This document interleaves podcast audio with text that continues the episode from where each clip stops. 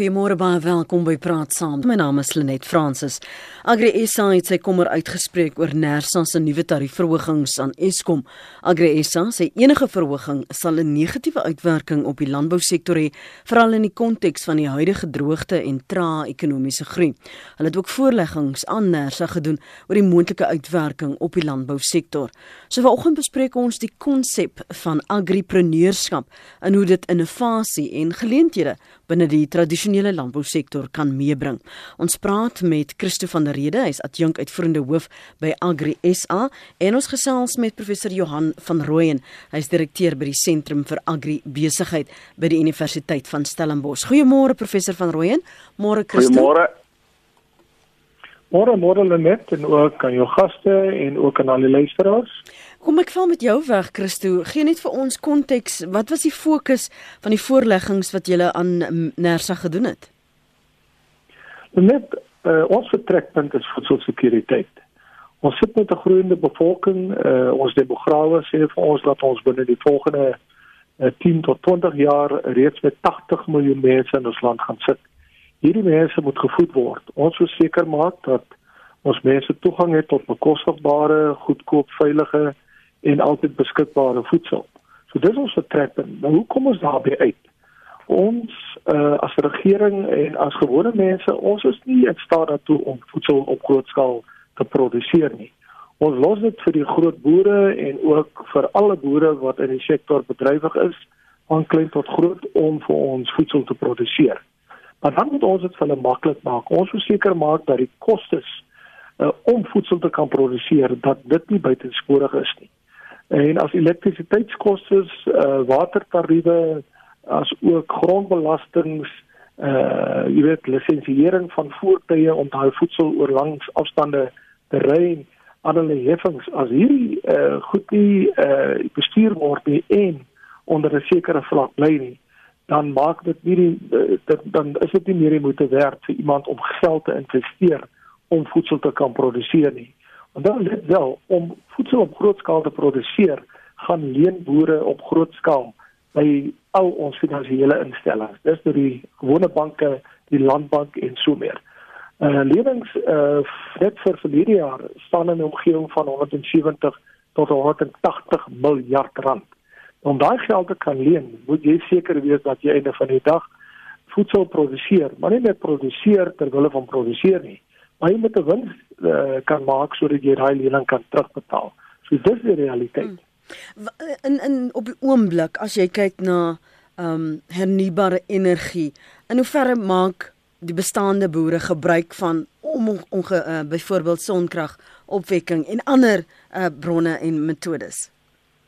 Kyk, uh, daar is daar is baie baie sterk beweging om uh deur boere om baie meer uh sonkrag en en nuwe tegnologie in is omdat Eskom op hierdie stadium so duur begin raak en omdat Eskom ook uh nie meer krag op 'n volhoubare wyse kan verskaf nie. Ons het net die afgelope paar dae hierdie kragonderbrekings ervaar. En dit het 'n geweldige negatiewe impak op die sektor. Uh jy weet wat nou 'n besigheid en nou nie verkoop word voordat hy mark toe kan moet net aan die impak uh en die verskriklike gevolge as daar nie krag is om daai koelhuise of pakkamers te verkoel. So uh boere is reeds besig, maar ons moet ook verstaan dat uh baie van ons groter installasies, soos ons groot besproeiings uh stelsels en ons groot pakhuise en koelkamers, jy bly maar nog steeds afhanklik van Eskom om vir jou groot maak en uh groot hoeveelhede krag en baie sterk kraglewering te te te help verseker. Uh en sonkrag in baie van daai gevalle het net nie daai tipe van ehm um, jy weet ehm um, hoë vlak van intensiteit mm. om jou uh groot pakkamers, jou groot besproeiingsstelsels jy weet voortdurend uh, te maak werk. Het julle syfers wat uh, mense aanduiding gee van uh, wat die persentasie van gebruik is of inisiatiewe binne die sektor of nie? Ongelukkig eh, het ek nie daai syfers nou by my nie, maar ons is besig met 'n proses. Uh ons het reeds vir Mersa versoek om hierdie boere die geleentheid te gee om op groter skaal sonkrag installasies op hulle plase uh te implementeer en hulle staat te stel om daai krag ook weer terug te voer uh na die netwerk toe. Uh en op daai wyse kan hulle dan ook uh jy weet 'n inkomste verdien. Dit is reeds besig om grootskaal in lande soos Duitsland en so versplaas te vind. As ons praat van agripreneurskap, uh, professor Johan van Rooyen, van waar die konsep en sien ons nou al die spore daarvan in Suid-Afrika? Ja, ek dink beslis so en ek dink Christus het sy vinger op twee goed reeds gelê. Die een is produksie. Jy moet produseer wat die mark wil hê. En die tweede ding is natuurlik jou platforms wat mense help om te produseer wat die mark wil hê om by die mark uit te kom. En dis twee belangrike konsepte daarin. Ek dink ons hoef nie net van voedsel te praat nie. Die hart van die saak is voedsel ontsettend belangrik. Maar ons kan praat van uh, ander sake wat ook uh, entrepreneurs na vore gaan bring, entrepreneurskap soos land uh, landbou en landelike toerisme. Ek dink dis ontsettend belangrik. Ou hoef net na lande soos Europa te kyk en besef hoe belangrik dit regtig is. En selfs hier in die Weskaap waar ek nou vandaan kom met al die wyntoerisme. En dan verder is daar ook ding wat my opgeval het en dis die produksie van kom ons noem dit nisprodukte. Produkte vir sekere markte in die wêreld. Maar as jy nie die platform het nie en ek het wonderlike stories uit China waar jou Chinese kleinboere inderdaad nisprodukte produseer vir elders in die wêreld wat gegee word as geskenke in die tipe van goed. Maar onderliggend aan al hierdie entrepreneurskap en kom ons praat ook nou van kleiner entrepreneurskap is die skep van platforms om die ouens aan die mark en aan die behoefte te konnekteer. So mense praat van 'n van 'n wye begrip hier en ek dink weer eens die idee van goedkoop elektrisiteit is uit die aard van die saak fundamenteel. As jy kyk na wat tot dusver bereik is en ek, ek wil nou eers uh, vir 'n oomblik stil staan by uh, die landbousektor in Suid-Afrika voor ons dit koppel aan hierdie voorleggings en tariefverhogings en hoe dit um, boere en besluitneming beïnvloed. Wat het ons die laaste twee dekades gesien wat ons kan sê en eien hierdie is innovasie en dit is die platforms wat ons al reeds geskep het of is dit maar 'n werk wat met tyd gebeur? Uh, praat jy met my? Ja, professor. Ja, goed, dankie. Ja, ek dink uh, kyk, daar's fantastiese stories en kom ons begin nou maar weer eens soos te sê in die onderend van die piramide.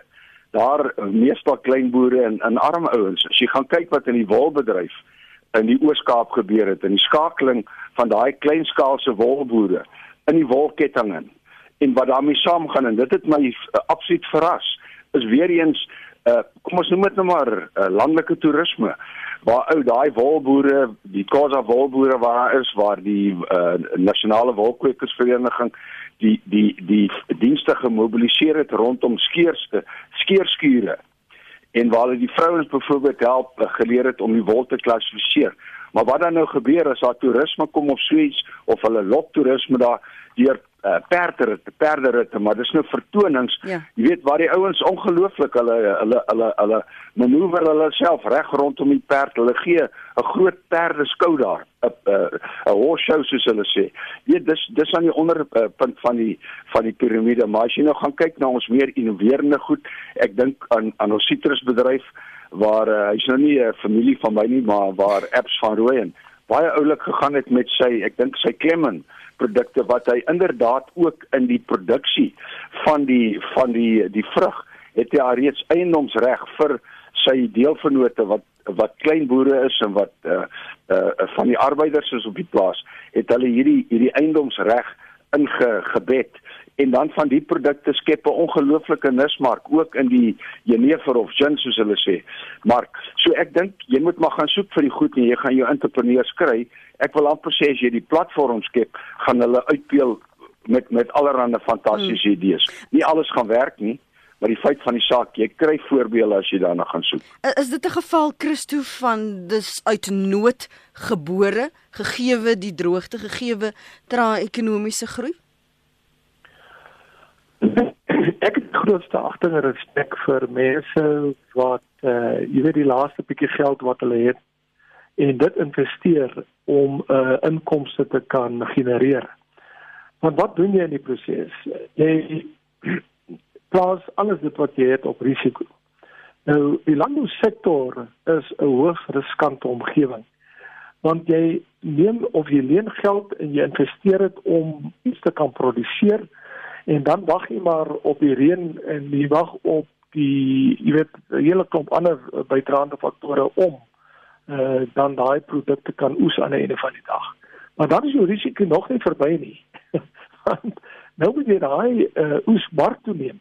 Uh, en dis waar die groot verrassings altyd lê want uh, jy kom daar by die mark en dan van jy o, oh, hang hier so 'n surplus. Uh jy weet en dan kry jy baie lae prys vir jou produk en as gevolg van dit kan jy nie jou initiële kostes dek nie. En dit dwing die landbousektor om uh jy weet 'n uh, totale waardeketting perspektief uh aan die einde van die dag uh onder oë te kry. Maar waaroor gaan dit? Dit gaan daar uh, dit gaan oor wat is die geleenthede wat aan die insetkant lê uh en ook aan die uitsetkant.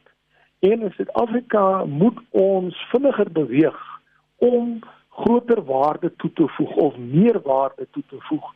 Ons kan nie net afhanklik wees van primêre landbou nie. En dis waarom boere op baie plase, hulle skep gastehuise, hulle skep 'n uh, klomp ander ekonomiese aktiwiteite en daar's 'n horde daarvan. Hulle kry ook 'n vennootskap met klein boere sodat hulle ook hulle bemagtigingsstatus in die proses kan kan verhoog. Uh dit dwing hulle om uh, of die omstandighede dwing hulle om ook verdere uh, waarde te ontsluit verder uh, op in die waardeketting. Ons sien uh, waar 'n boer wat byvoorbeeld met pynappels boer van hulle het al pynappelfabrieke oopgemaak. Uh groot wortelboere in Gauteng is besig om sy produkte na die buiteland uit te voer. En ons kan later praat oor die belangrikheid van uitvoere en waarom dit so belangrik is dat ons op groot skaal moet uitvoer. Maar daar's ongelooflike inisiatiewe wat boere onderneem en ek sal graag later daaroor praat. Maar ja, omstandighede dwing ons om nie te dink anders te dink en baie meer innoverend uh, dinge te doen binne ons uh, beperkte omstandighede.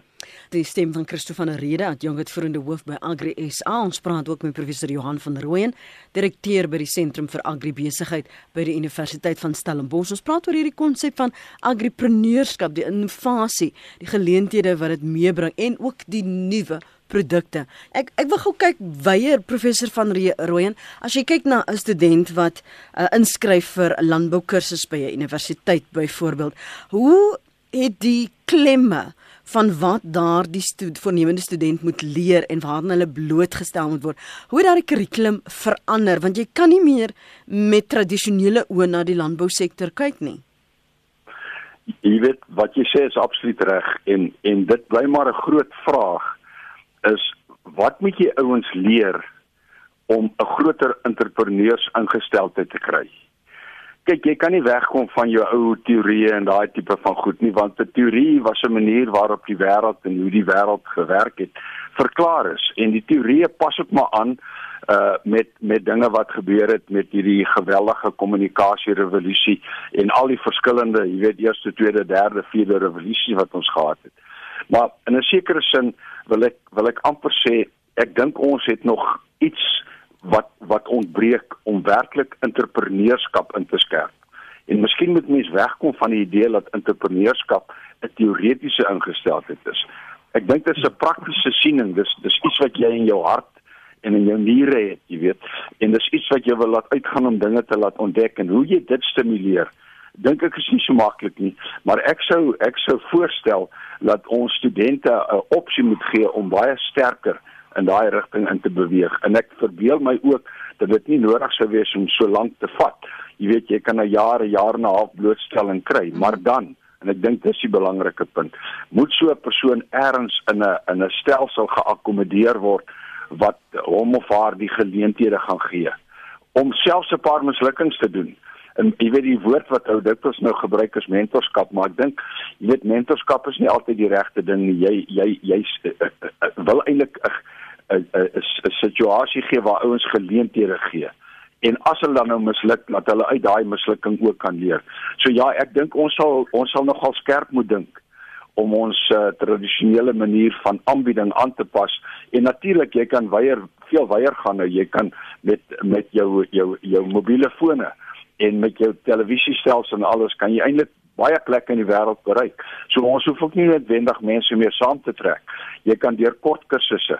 So ek voel baie sterk ons sal moet sterk dink om hierdie entrepreneurskap baie sterker na vore te bring ook by ouens wat laer wat miskien nie universiteit toe kan gaan nie mm. wat miskien net skool het jy weet so miskien is dit 'n hele ingesteldheid wat ons moet bewerkstellig. Maar jy kan dit nie in, in die teorie doen nie.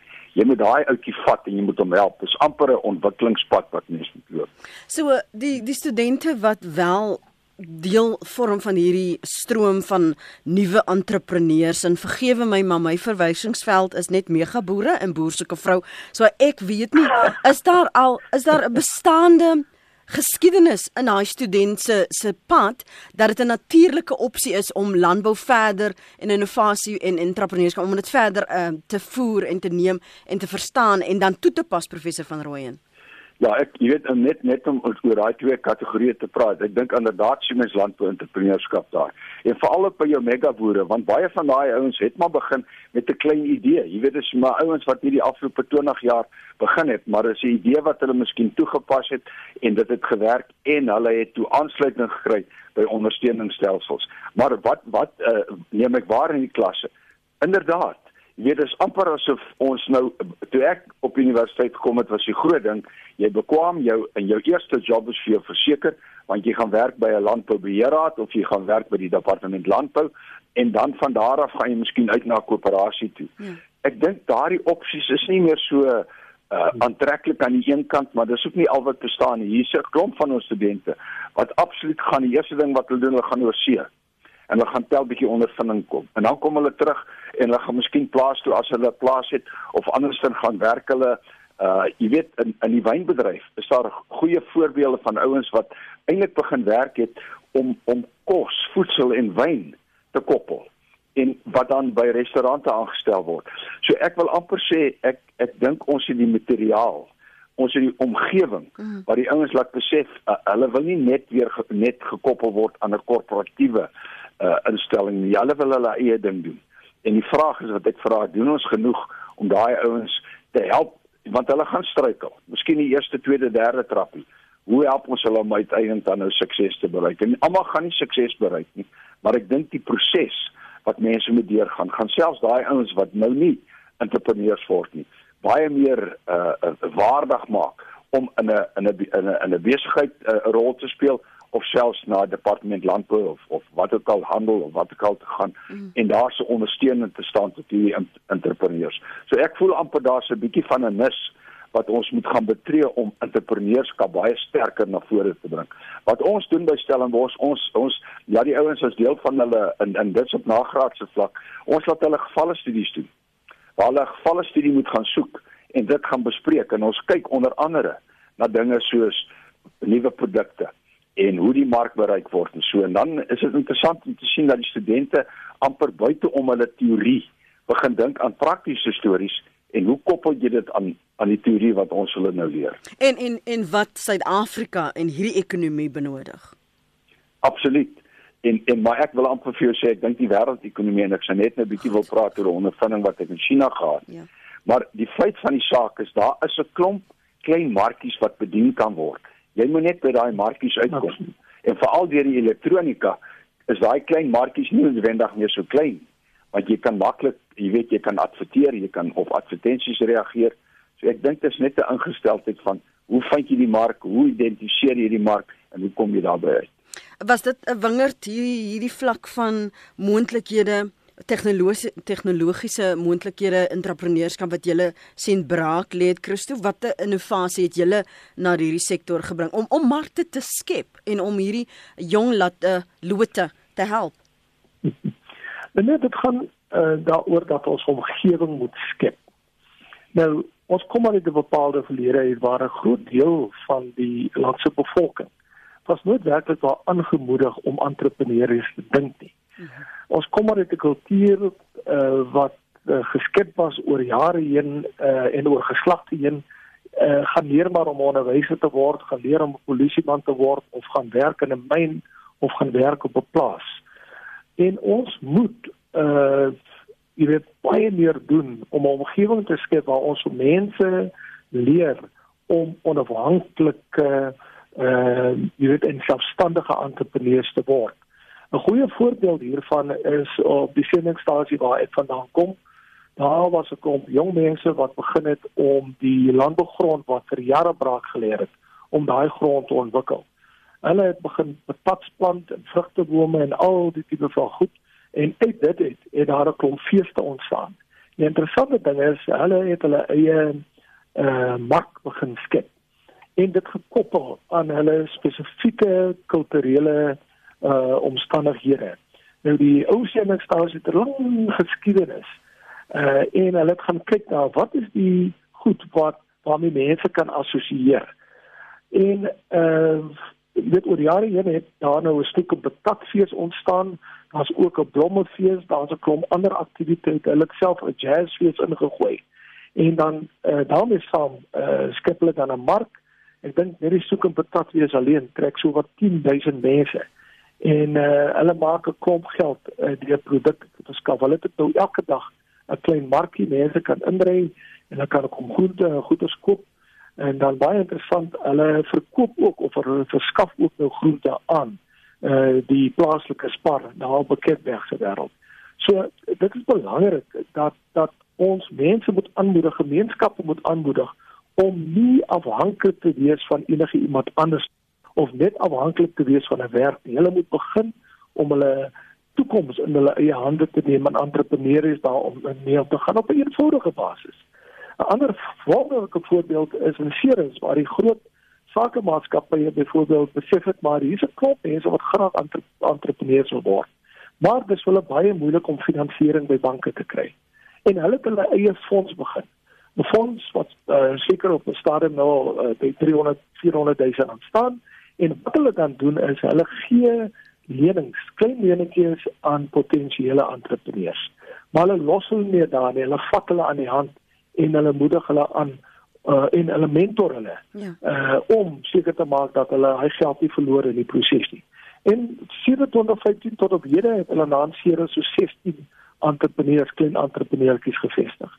En 'n wonderlike voorbeeld die Boonlim Popo waar die uh die, die groot boere, die ZZ2's Ehm um, nou begin dit om byvoorbeeld ehm um, jy weet uh, swart uh, in vennootskap met swart boere te tree. Daai swart boere produseer nou groente op groot skaal en hulle het 'n mark gaan skep. So almal ry nou na daai mark om uh, te gaan uh, goed te gaan koop. Wat ek daarmee probeer sê is dat daar is 'n groot verantwoordelikheid nie net op die regering nie, maar op almal van ons wat uh jy weet entrepreneurs dink en binne die entrepreneursiese omgewing funksioneer om daai vennootskappe te help vestig sodat ons 'n groot deel van ons bevolking meer selfstandig kry. Ons kan nie 'n situasie waar 18 miljoen mense afhanklik is van staatstoelaas nie en net 7 miljoen mense uh jy weet dra by vir die nasionale fiskus mm. of tot die belastinggade nie ons moet 'n groter gedeelte van ons bevolking aan dit uh, medies oplei en hulle sover kan by besigheid te doen. En meer ja daar's miljoene van hulle oor die land maar uh jy weet uh dit gaan oor die skep van omstandighede. Dit skep die skep van 'n maklike manier 'n goedkoper manier uh om besigheid te doen. Alles in ons land is nog te bureaukraties ja. en dit ondermyn entrepreneurskap. Gaan terugkom na daai punt van die die innovasie en ontwikkeling wat daar plaasvind en veral in hoeverre Christo julle ondersteuning kry van die regering want was die landbou sektor floreer dan floreer ons ekonomie by bebaat ons almal daarbey. Johan, dankie vir jou oproep môre. Goeiemôre Lenet. Ek wil graag net so 3 kort opmerkings aanmerkings maak hierso. 'n Entrepreneur kan nie gaan leer om 'n entrepreneur te word nie. Jy word gebore. Dis 'n gawe wat jy het. Jy word so gebore en jy ontwikkel hierdie entrepreneurskap. Nommer 2. Hierdie mentorskap wat die ouens het wat 'n wat 'n wat 'n plaaseienaar nou sê uh, 'n persoon moet vat en hom kundigheid leer. Dis niks anders as intellektuele diefstal nie. Dis my intellektuele eiendom. Dis wat ek deur ondervinding opgedoen het oor 'n tyd. Ek kan dit nie vir ander oordra nie. Gaan dit ook nie vir hom verniet oordra nie. 'n Prokureur vra geld fooie vir sy werk wat hy doen. So uh, dis intellektuele diefstal. En die derde ding wat ek wil sê is as jy 'n besigheid wil begin en jy het nie geld nie, jy moet gaan geld leen. As jy dood nog voor jy begin het. Daai is die grootste storie wat net nie werk nie. Jy kan nie gaan geld leen om 'n besigheid te begin nie. Jy is dood nog voordat jy begin het. Baie dankie. Goed Johan. Christo en die professor van Rooyen, kom ek gee vir jou eers kans professor van Rooyen. jy sit my nou op so spot soos hulle sê. Kyk, ek dink die begrip van mentorskap is nie 'n maklike begrip nie. Nou om te sê dat dit intellektuele diefstal is, dit werk nou nie eintlik so nie. Ek dink uh, mentorskap is 'n ding wat van beide kante kom en die keuse van jou mentor en die keuse van die persoon wat gementor word is natuurlik uit die aard van die saak baie belangrik. Maar ek dink uh, as mens mentorskap in 'n breër konteks sien en uh, sê jy weet wat wat kan jy by die ou ontleer? En wat kan die ou ont by jou leer? Dan uh, dan is dit 'n meer 'n menslike georiënteerdheid. So ek dink daar is ook 'n verskil tussen 'n mentor en 'n afrigter. En ek dink 'n afrigter is 'n baie skerper persoon wat miskien baie meer krities gaan staan teenoor 'n jong persoon of so iets. Maar ek ek sou nou geensins so ver gaan om te sê dat daar nie plek vir mentorskappe is nie. Ek dink uh, dit is 'n goeie buurmanskap, is ook maar 'n goeie mentor. En uh jy weet as 'n ou nou sy dienste wil verkoop, uh is ek seker daar gaan instansies wees wat bereid is om so ou te betaal want 'n goeie mentor en 'n goeie afrigter is uh, is goud werd. Jy weet, dit is nie iemand wat jy agter enige boshuis skop nie. So ek sal ek sal nou nie so 'n negatiewe konteks daarteen sit nie. Ek ek glo ons uh, ons ons enige ou wat maar groot word, het maar sy mentors. En ek sou sê as jy 'n mentor het wat jy vir jou jou jou jou jou fasiliteite gaan skerp maak rondom entrepreneurskap. En ek stem nogal grootliks saam. Ek dink jy word gebore met daai gevoel in jou dat jy iets nuuts wil doen en dat jy 'n paar kansse wil vat en sweets en dat jy bietjie geld wil maak. Maar ek dink jy kan baie dit kan baie ingeskerp en verskerp word deur 'n persoon wat al deur daai proses is en wat bereid is om sekere lesse met jou te deel. Sommige sal dit diefstal noem, sommige sal sê dis juis wat vennootskap vra. 'n Christo, jou kommentaar daarop? Ja, net ons moet waak daarteen om al hierdie tipe van goed te vereenvoudig. Uh, dit is ons belangrik om deel te wees van 'n nuwe ideologiese raamwerk. Uh, en dit gaan daaroor dat ons saam die toekoms moet bou. Ons sit in 'n land wat uh, verskriklik uh, gepolariseerd is. Dit is ryk versus arm, dit is die wat uitgesluit is, die wat ingesluit word. Dit is wit teenoor swart. Uh, en dit gaan ons nie uh, vorentoe neem nie.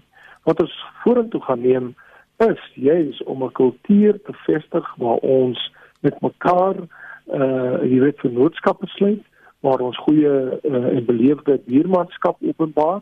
Maar dit gaan ook daaroor hoe help ons mekaar om saam 'n suksesvolle bestaan te voer. Ons kan nie voortgaan om hierdie eilande van welvaart te hê in Suid-Afrika terwyl die groter massas daar buite kan ar, absolute armoede vasgevang is nie. En dit hou as jy in armoede gebore is, Lenet, is daar nie 'n manier hoe jy ooit uit daai armoedige omstandighede kan ontsnap as daar nie iemand of iets is wat jou 'n helpende hand uitsteek nie. Nou ja, dit gaan ook daaroor dat jy as persoon wat in 'n armoedige omstandighede vasgevang is, dat jy ook dan daai helpende hand moet aangryp om jou daar uit te help. Want as jy ook nie jou kan bring nie, uh, dan gaan jy vasgevang daarin bly. So uh jy weet ons kan aan hierdie kant toe en daai kant toe. Maar ons moet uh ons die enigste manier ons 'n suksesvolle land kan bou as ons 'n omgewing skep waar ons mekaar bystaan, mekaar mentor, mekaar die geleentheid gee, maar ook uh dat dit nie net 'n eenrigting pad is nie. Uh waar ek afhanklik is en voortdurend afhanklik van iemand anders is nie. Ek moet ook my kan bring.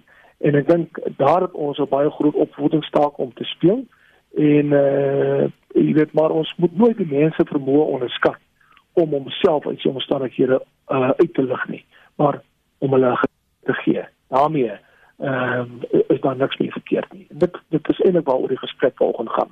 Hoe skep ons geleenthede en hoe skep ons 'n omgewing waar binne daai geleenthede kan uh beskikbaar is sodat mense dit kan aangryp en ook 'n uh, meer selfstandige en volhoubare lewe kan voer Die sisteem van Christo van der Rede, Antjonkes vriende hoof by Agri SA, Johan eh, professor Johan van Rooyen, as direkteur by die Sentrum vir Agri Besigheid by die Universiteit van Stellenbosch. Ons praat vanmôre oor agripreneurskap, hoe dit innovasie, hoe dit geleenthede, markte, platforms, produkte uh, binne hierdie tradisionele eens, maar ek gee dit sê eens tradisionele landbousektor kan meebring. Jy kan saampraat op 0891104553. Jy kan ook vir ons 'n uh, SMS stuur na ons SMS lyn. Dit is 45889. Elke SMS kos jou R1.50. Ons gaan nou verder praat met die twee gaste. Jan is uh, op die lyn. Môre Jan. Hallo uh, Lenet en uh, en gaste. Ek wil graag net ietsie praat oor landboufinansiering. Ja. En dit is die Landbank. Ek het self daar gewerk. Uh tot 1990 kon net blankes aansoek doen. Maar van 1990 af is dit oop vir almal. Enigeen wat nou 'n deposito het, kan nou aansoek doen by die Landbank en as jy goedgekeur word en so aan en jou lening word goedgekeur, dan kan jy begin boer. So ek kan nie verstaan hoekom is die wat is die probleem nou met met grondbesit hier. Ek weet dis nou effens af van die punt af, maar dit gaan oor landboufinansiering. Daar's baie jong uh uh blanke boere nou wat op 'n gelyke vlak nou moet kompeteer met almal. So wat moet hy nou doen? Hy gaan ook mos maar landbank toe in uh uh, uh doen aansoek vir 'n lening en dan begin hy boer. So almal is nou op 'n gelyke vlak. Jy weet ek ek wil net iets sê oor die politieke uh uh neiging soos wat dit vir my lyk dat die ANC weet nou hulle kan nie Sasol of uh uh, uh Sanlam uh onteien nie. Maar dit is nou maklik om die, om die boere te onteien. Nou vat jy hulle grond.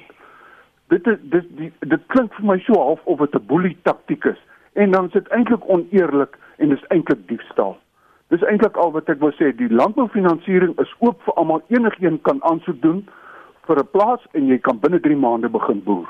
Dankie hoor. Dankie Jan vir daardie inset van jou. Ons hoor wat jy sê. Kan ek dit terugneem na hierdie gesprek wat ons ver oggend gesels oor en en kyk na hoe professor van Rooyen beïnvloed landboufinansiering of die die tekort aan geld hierdie innovasie hierdie behoefte om ek ons wil nuwe tegnologie skep ons wil nuwe markte nuwe platforms skep ons wil dit uitvoer. Christen net nou daarna verwys jy het gepraat van die ervarings. Moet jy altyd geld hê? Jy het gesê jy wil praat oor hierdie invloed op die wêreldekonomiese vlak wat jy in China byvoorbeeld gesien het. Ja ek uh, natuurlik moet jy geld hê.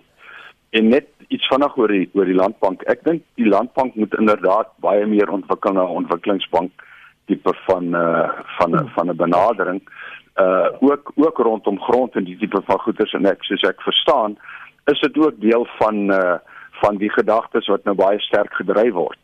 Dat die landbank inderdaad meer toeganklik is vir uh, vir ouens om te begin maar uit die aard van die saak ook ook entrepreneurs. Nee, ek wil tog net bietjie verwys na China wat vir my 'n openbaring was. Julle almal ken Alibaba. Alibaba is 'n baie groot handelsplatform. Hulle was ook hier toe die Chinese president uh, Ramaphosa so rukkie gelede besoek het. Ja. Nou uh, Alibaba is is is het, het skep verskillende handelsplatforms daar. Ek het sy platform gesien en as ek nou nie mis het nie, noem hulle die Tabao platform wat eintlik in landelike gebiede geld, maar wat veral kleinboere en uh en besighede in die landelike omgewing help om in die mark te kom. En ek het gesien wat hulle daar gedoen het waar uh, hulle hulle het baie koöperasies daar, klein koöperasietjies. Hulle grondbesitstelsel is maar baie so dat die grond behoort nie aan enige iemand nie, maar dit reg op die grond. So jy kan nie 'n ou forceer om enigiets daar te doen nie. Hy het die reg om te besluit of hy saam met jou wil werk of nie. Maar die kritiese massa is belangrik en laat hierdie platforms dan die geleentheid skep vir 'n klompie klein boere 50, 60 om nisprodukte in die wêreldmark in te sit want hulle skep die produk, hulle adverteer dit in die in die wolk soos hulle sê. Ja. Hulle adverteer dit op internet. Hulle gee 'n mooi beskryf beskrywing daarvan en hy's beskikbaar uh vir mense om dit aan te koop. Nou nou die een twee produkte wat ek hier wil na verwys is een is ryswyn wat baie mooi verpak word in 'n herde kruitjie en wat die mense koop as geskenke om 'n geskenk te gee. En toe ek die plek wat ek daar besoek het, het hulle baie groot handel met Nieu-Seeland gehad waar die ouens hierdie hierdie ryswyn hierdie ryswyn via die wolk aankoop. Die ander een is rys wat in netjiese verpakkings is in blokke gesny word en met allerlei interessante resepte natuurlik in Engels. Maar wat belangrik daar is, waar het hulle die idee gekry? Hulle het hom gaan ontwikkel. Hulle het die geleentheid gekry om daai idee te gaan toets. Hulle het die vervoerstelsel. Nou nou kry hulle 'n bestelling via die internet en dan kontak hulle die vervoer maatskappy, 'n klomp klein entrepreneurs wat dan reël dat die dat die produkte na die hawe of na die lughawe geneem word sodat dit relatief vinnig uh, uh beskikbaar gestel word en al hierdie transaksies word deur Alibaba se net hanteer. Nou, jy weet, uit die aard van die saak het dit seker baie geld gekos en die Chinese regering ondersteunend gestaan tot Alibaba wat 'n massiewe maatskappy is om hierdie platforms te skep in verskillende landelike gebiede.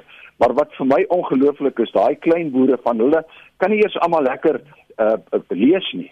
Maar hulle het een of twee ouens daar wat eintlik maar die die die koöperasie aan die gang hou en die ouens is goed opgeleide ouens, hulle het koneksies, hulle verstaan Engels, hulle reis ook en hulle hulle skep hierdie geleenthede.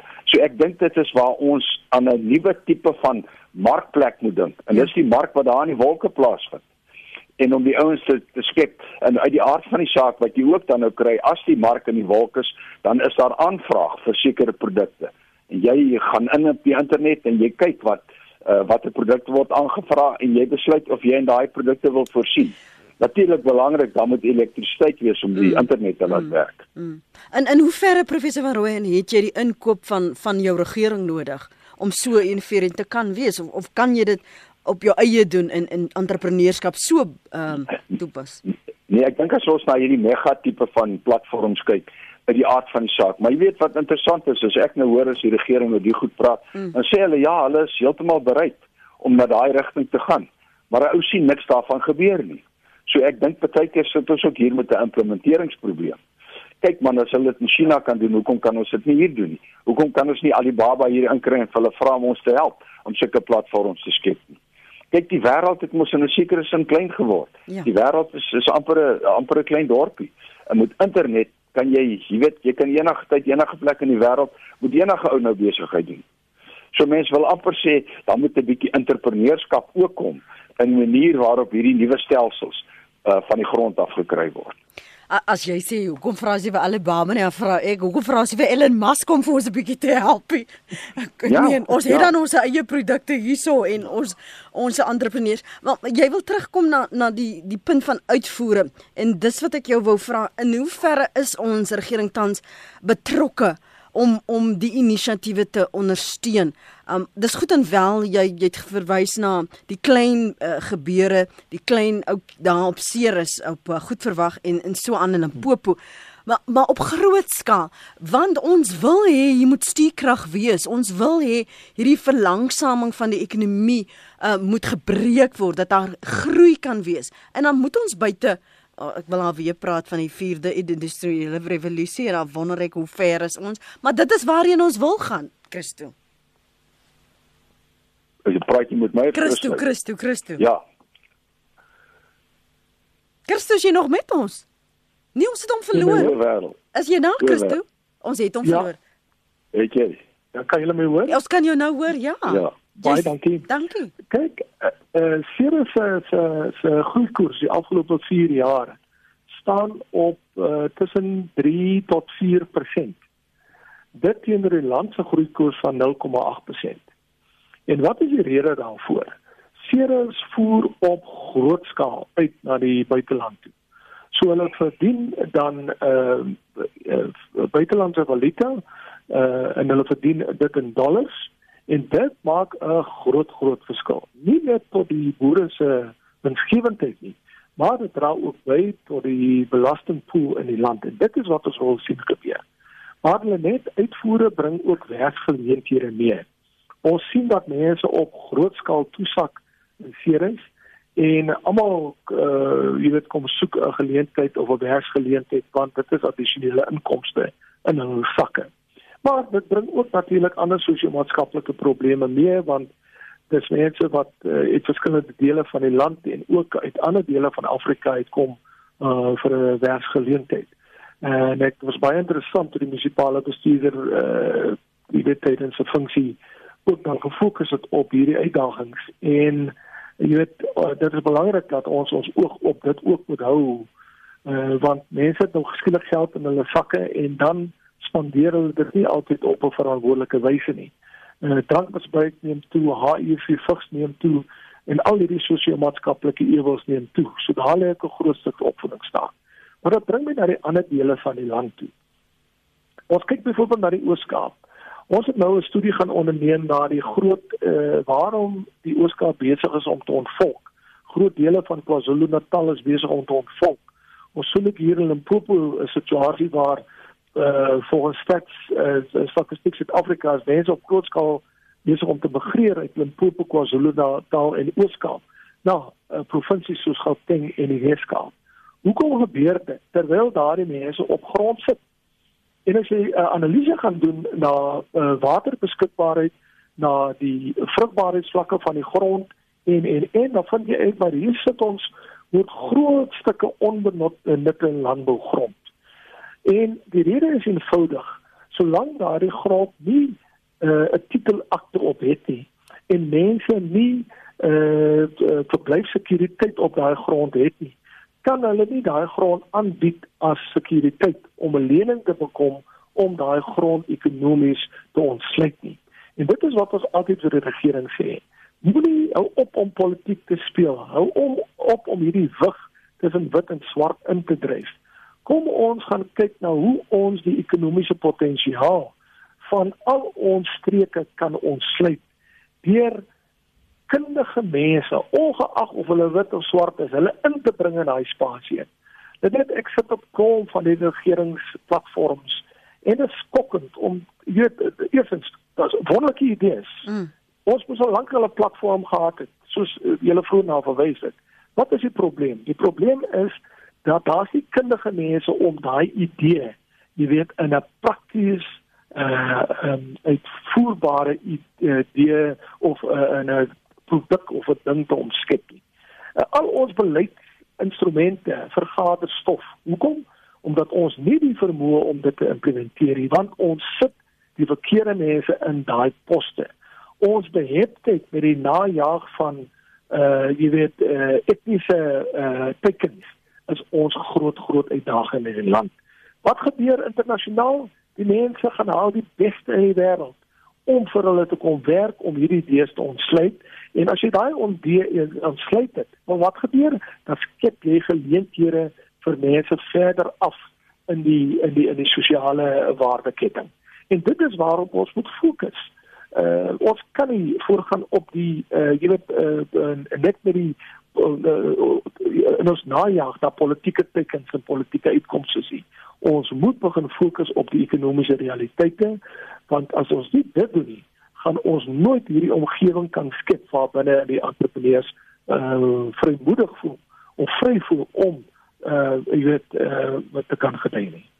In ter afsluiting professor van Rooyen beerkrag beerkrag ekskuus tog kos na raming ons so wat 2 miljard rand per dag.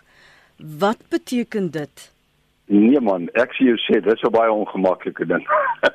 dit beteken dat ek nie my rugby en my tennis kan kyk nie, jy weet. Maar wat in, beteken dit vir die landbousektor? Dit is nou 'n oppervlakkige siening. Ek dink dis 'n ding wat diep sny. Ja. Dis 'n ding wat wat investerings moet irriteer. Jy weet, jy kan mos nie 'n land aan die gang 'n 'n wêreld wat toenemend uh, elektriese krag gebaseer is. Ons het net nou oor die internet gepraat. Mm. Maar ons praat oor oor verkoelings en al daai tipe van goed. So ek dink ek dink vir my is vir my stelsel is dit 'n groot skok dat dat ons land in 'n beefkrag situasie moet ingaan ek ek uh, ek dink dit is een van die grootste prioriteite om dit reg te kry. Maar ek wil net 'n laaste ding ook sê. Ek dink hierdie gedagte van entrepreneurskap, ons ons moet dit gaan uitsoek en ons moet gaan uitklik. Ek is nou besig met studente wat werk in Ethiopië op blomme en in koffie. En dit is ongelooflik om te sien wat daar gebeur het. Maar om Christus se woorde te vat, hulle het van die beste ouens in die wêreld gekry om daai kof, koffie en blomme waardeketTINGS van die grond af te kry. En die ouens wat daarby baat is die Ethiopiese kleinboere. So ek dink ek dink in in uit die aard van die saak, kom terug na beurtkrag toe. Mm. As jou elektriese stelsels nie werk nie, dan jy 'n groot moeilikheid. Christo, my laaste gedagte? Net baie eenvoudig. Jy kan nie in die land van die blindes, blindes, blindes 'n uh, een oogige persoon kry om hulle te lei nie. En dit is eintlik ons groot dilemma. Ons moet die beste mense inkry, maak nie saak of hulle kort of klein is of lank of groot is of wit of swart of bruin of pink is nie.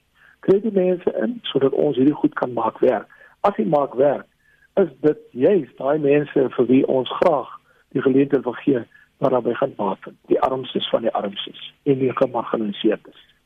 Baie dankie aan Christo van der Rede, adjunkt vriende hoof by Agri SA en professor Johan van Rooyen, direkteur by die Sentrum vir Agri Besigheid by die Universiteit van Stellenbosch. Ons het vanmôre gesels oor agripreneurskap en wat dit gaan vra van die land, van die ekonomie, van ons om hierdie landbousektor in 'n ander rigting te stuur. As jy weer na ons program wil luister, kan jy gerus gaan na ons webblad.